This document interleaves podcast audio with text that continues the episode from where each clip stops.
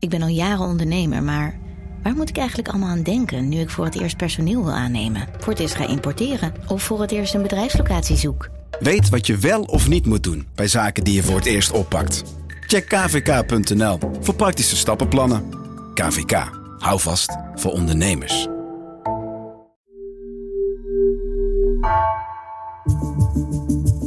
Vanaf de redactie van NRC het verhaal van vandaag.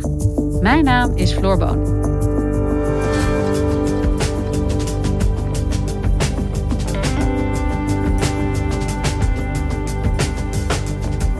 Met de woondeal die Arnhem een jaar geleden met het Rijk sloot, wilde de stad niet alleen extra woningen bouwen, maar ook de leefbaarheid van de zwakste wijken verbeteren. Politiek redacteur Rick Rutte keerde onlangs terug naar Immerlo, een wijk die vorig jaar een sprong leek te gaan maken. Maar wat is er sindsdien daadwerkelijk verbeterd?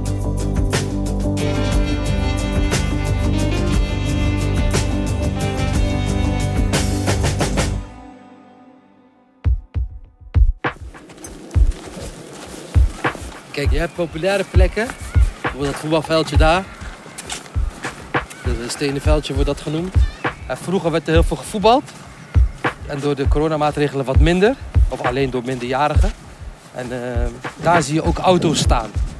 Van jongens die misschien ja, niet goede intenties hebben. Ik ben altijd op zoek van waarom doet zo iemand dat. Immerlo is een, een wijk aan de rand van Arnhem. Het zijn hoge flats beetje zoals je die wel kent uit uh, de Belmer. En wat ik zelf altijd mooi vind om erbij te bedenken is dat dit ooit toen ze gebouwd werden in de, de jaren 60, waren dit echt droomflats. Hier wilde je wonen, heel veel ruimte, uitzicht over de hele stad. Fantastisch groen. Je zat aan de rand, je kon zo de randweg van Arnhem oprijden en, uh, en naar je werk. En ik had er een afspraak met een jongerenwerker, Mustafa Amesrin, van een, een klein bureautje dat daar de, de lokale jeugd coacht. Want ik vind ook dat iemand die met jeugd werkt een vorm van oprechtheid moet hebben en ook wel een soort van um, het gevoel dat hij de wereld kan redden. Ook al is het niet zo, maar het is een, het is een soort van missie. Je hebt positieve voorbeelden nodig waarbij, uh, waaraan jongeren zich herkennen en aan wie ze zich kunnen optrekken. Ja, Mustafa kent de wijk heel goed. Hij is geboren, uh, hij werkt er nu weer, zijn moeder woont er nog steeds. Als je een, een soort van random gezin uit zo'n wijk pakt, dan is het een, een, of een eenouder gezin of een gezin waarbij uh, ouders getrouwd zijn met veel kinderen. Hij heeft ontzettend veel hart voor die wijk, maar hij ziet tegelijkertijd ook heel erg goed dat het best moeilijk is om in die wijk op te groeien en succes te hebben. Je moet er echt voor elkaar zijn, zo zei hij het eigenlijk. Omdat er verder niemand is die dan voor je klaarstaat. En in hetzelfde gebouw waar dat buurtcentrum, dat jongerencentrum zit waar uh, Mustafa werkt, daar zit ook een basisschool. Goedemorgen. Best een grote. Goedemorgen allemaal. En ik had daar een afspraak met de directeur, Carola Peters. Goedemorgen. En het was eigenlijk best wel gek, want dit was toen alle scholen in Nederland nog dicht waren. Op een heel klein aantal uitzonderingen na. En deze school was een uitzondering, omdat er niet een paar, maar eigenlijk zoveel kwetsbare kinderen waren dat de hele school, de hele tweede lockdown, open bleef.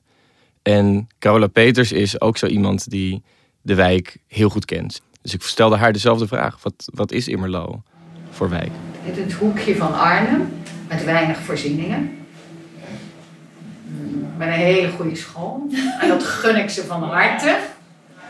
Het is ook wel een soort geïsoleerde wijk. Hè? Het ja. ligt helemaal zo aan het randje. Ja ja, in principe hoef je de afslag op de rotonde niet te nemen als je hier niet woont. Nee, dan kom je, je komt hier niet als je hier niet hoeft te zijn. Nee. En daar komt nog bij, zei Carola, dat het ook een wijk is met uh, heel veel verschillende culturen uh, en ook heel veel uitdagingen. Voor de school en voor iedereen die in de wijk woont.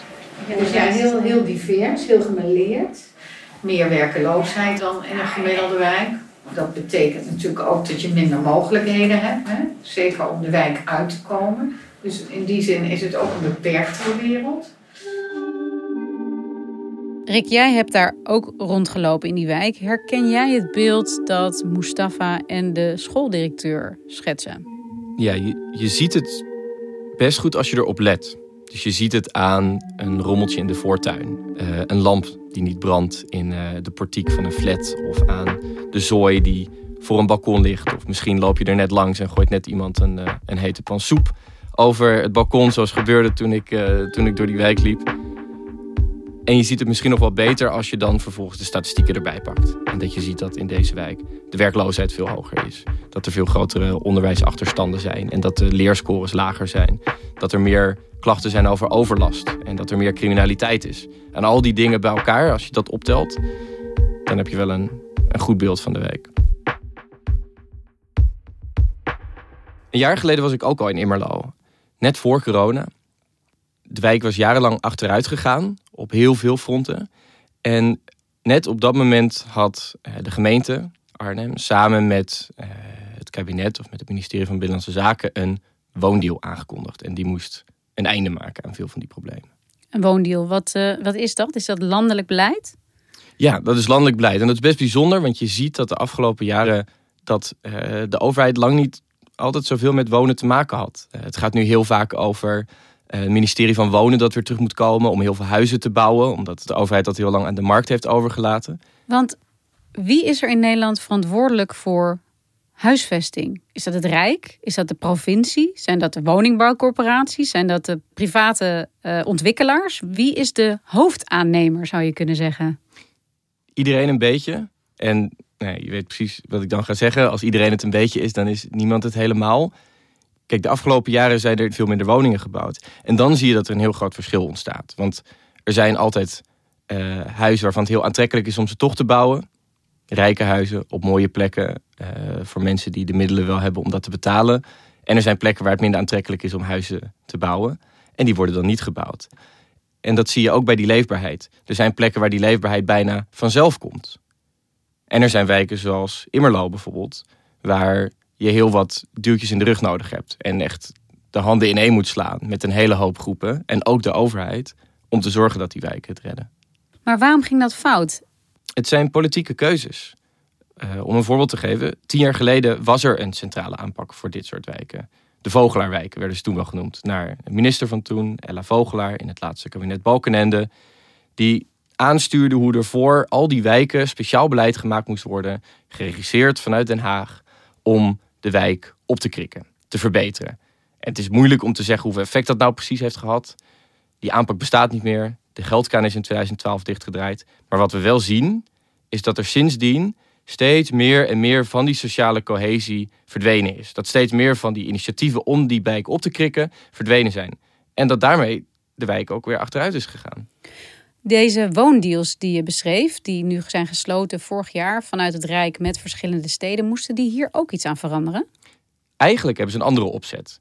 Want die woondeals zijn eigenlijk bedoeld om dat andere grote woonproblemen aan te pakken. Namelijk dat er veel te weinig woningen zijn. En in Arnhem zei burgemeester Marcouch iets anders. Die zei: Ik wil dat we ook dat andere probleem met zo'n woondeal gaan oplossen. En laten we daar dat geld voor inzetten. En nu was het een jaar later en was ik eigenlijk benieuwd hoe staat het er eigenlijk voor in Immerlo nu, een jaar na al die uh, groots aangekondigde plannen?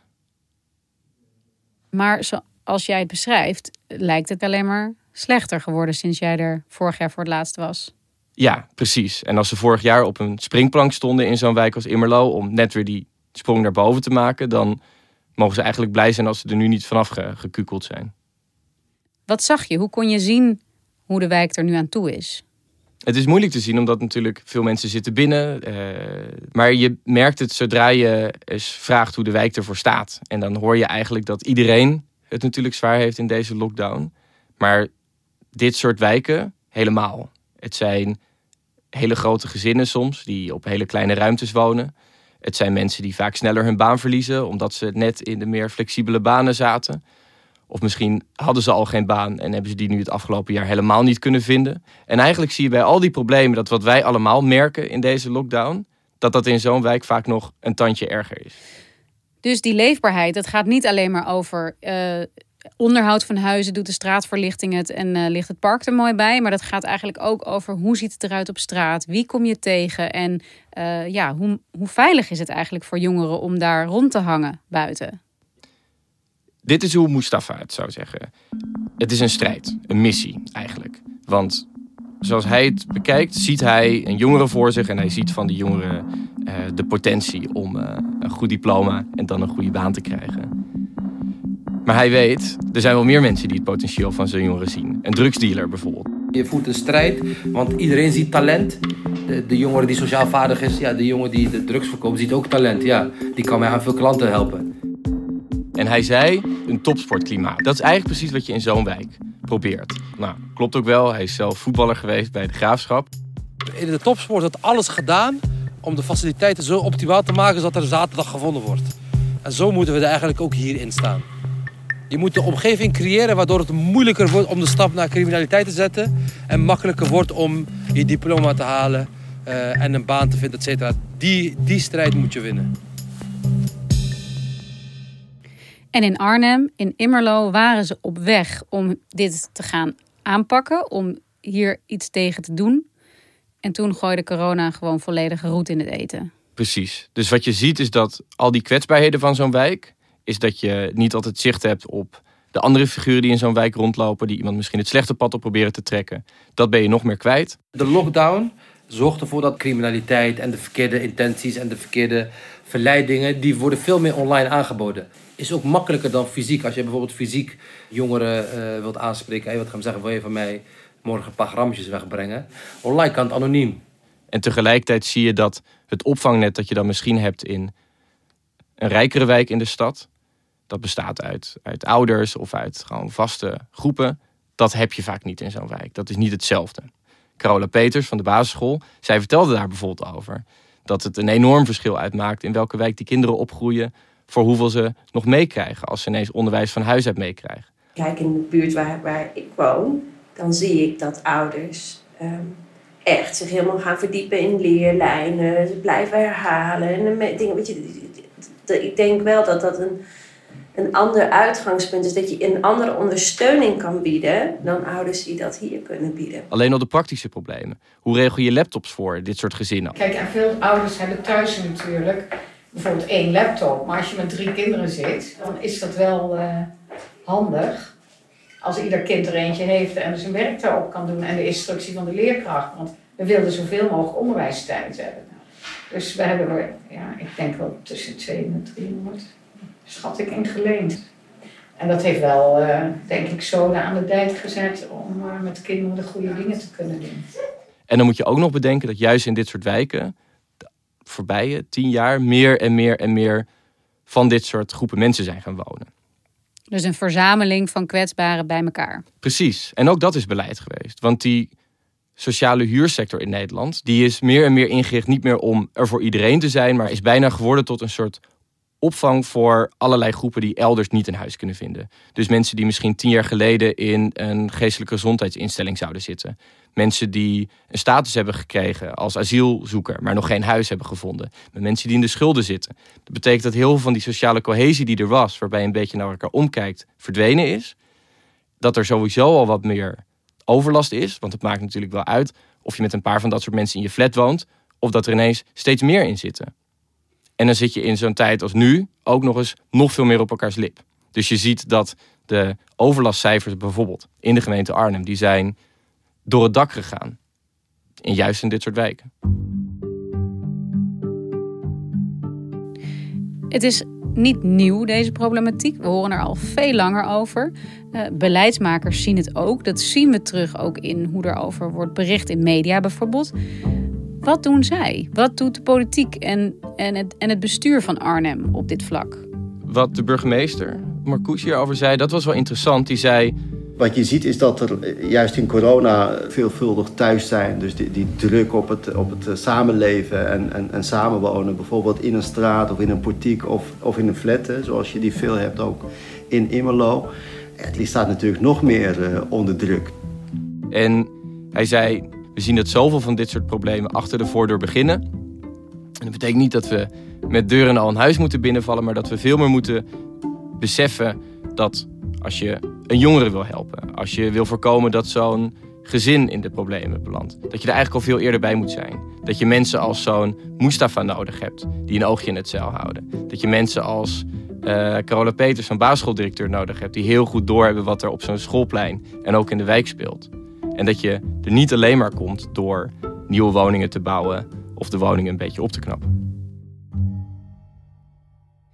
En de woondeals, die vanuit het Rijk zijn bedacht om in ieder geval meer huizen te bouwen, die hebben hier eigenlijk niets aan verbeterd aan deze situatie. Daar heeft corona nogal blokkade voor opgeworpen. Ja, we hadden hoop zeker. Er was een nieuwe beweging in gang met dat woondeal. Meer middelen voor de wijk. Bewoners worden erin betrokken. Jongeren worden erin betrokken. Er zijn nog wel wat stappen in gezet de afgelopen tijd. Alleen de coronacrisis heeft ervoor gezorgd dat je niet meer 0 of min 2 als beginpunt hebt.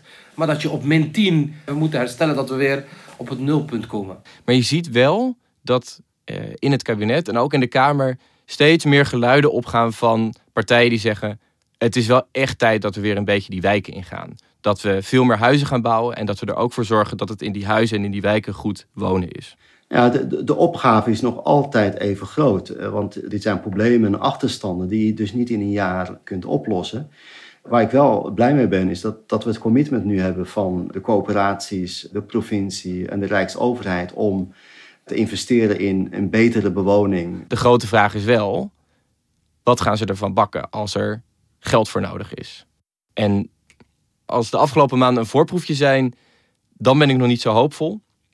Want een paar maanden terug schreef een hele grote groep burgemeesters, Marcouch was er één van, eh, maar ook bijvoorbeeld Femke Halsema in Amsterdam, schreef een oproep aan het kabinet om heel snel veel meer geld in die kwetsbare wijken te steken. Toen al, aan het eind van de eerste lockdown, zagen ze al die problemen in die wijken toenemen. Nu zijn we een lockdown verder en er is nog steeds nauwelijks geld voor die wijken beschikbaar gemaakt. En het is nog maar de vraag of straks, als er geld verdeeld moet worden, als partijen aan het formeren zijn, of iedereen dan nog steeds die wijken op de radar heeft.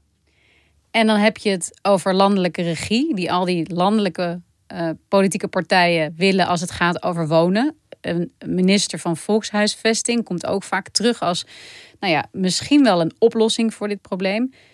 Is dat een oplossing? Gaat dat ook iets doen aan deze problematiek? Ik word altijd een beetje sceptisch als ik uh, het verhaal hoor over we hebben meer regie nodig. Want de grote vraag is dan volgens mij altijd waar ga je die regie voor gebruiken?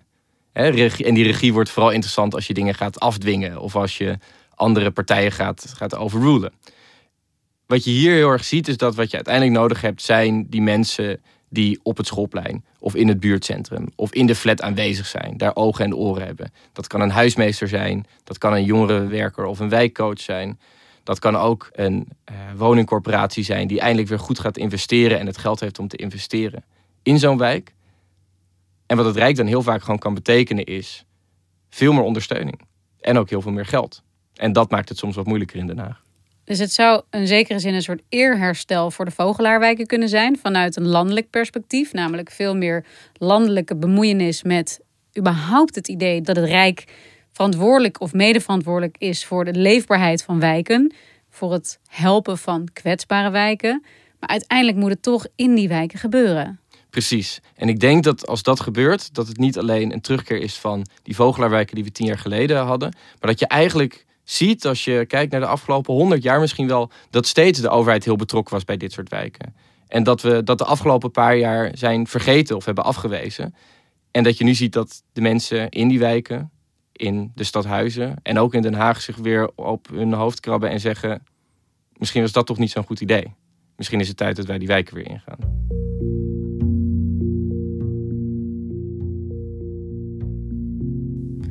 Als jij nou volgend jaar weer teruggaat naar Immerlo in Arnhem en kijkt hoe het er dan bij ligt, wat zien we dan, denk je? Een jaar is heel kort, dus het is moeilijk om te zeggen wat er kan veranderen. Maar wat mij is bijgebleven is dat er in Immerlo een flat staat. Een flat die een jaar geleden tijdens nieuwjaarsnacht uh, voor een deel uitbrandde. Of de lift brandde uit. Er kwamen twee mensen uit een gezin om. En daarna is een groot deel van die flat leeggelopen omdat mensen het zat waren, omdat ze geen vertrouwen meer hadden in de woningcorporatie. Toen is de corporatie samen met de buurt op zoek gegaan naar nieuwe mensen om die flat te bewonen. En ik begreep, de laatste keer dat ze er was, dat ze daarbij juist ook op zoek zijn naar jonge mensen. Jonge mensen die dan een gunstige huur kunnen krijgen, maar ook iets terug moeten doen voor de buurt.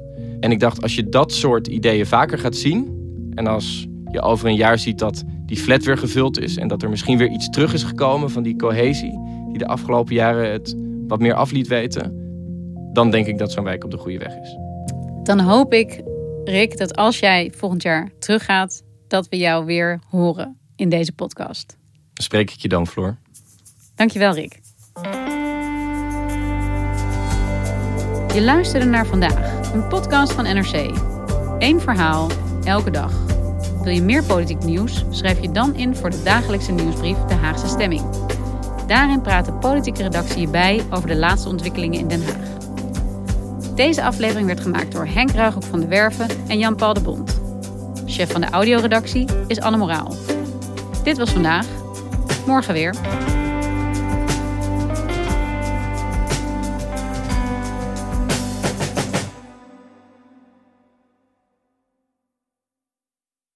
Technologie lijkt tegenwoordig het antwoord op iedere uitdaging. Bij PwC zien we dit anders. Als we de potentie van technologie willen benutten, kunnen we niet zonder een menselijk perspectief. Human-led, tech-powered noemen we dat. Ga naar pwc.nl.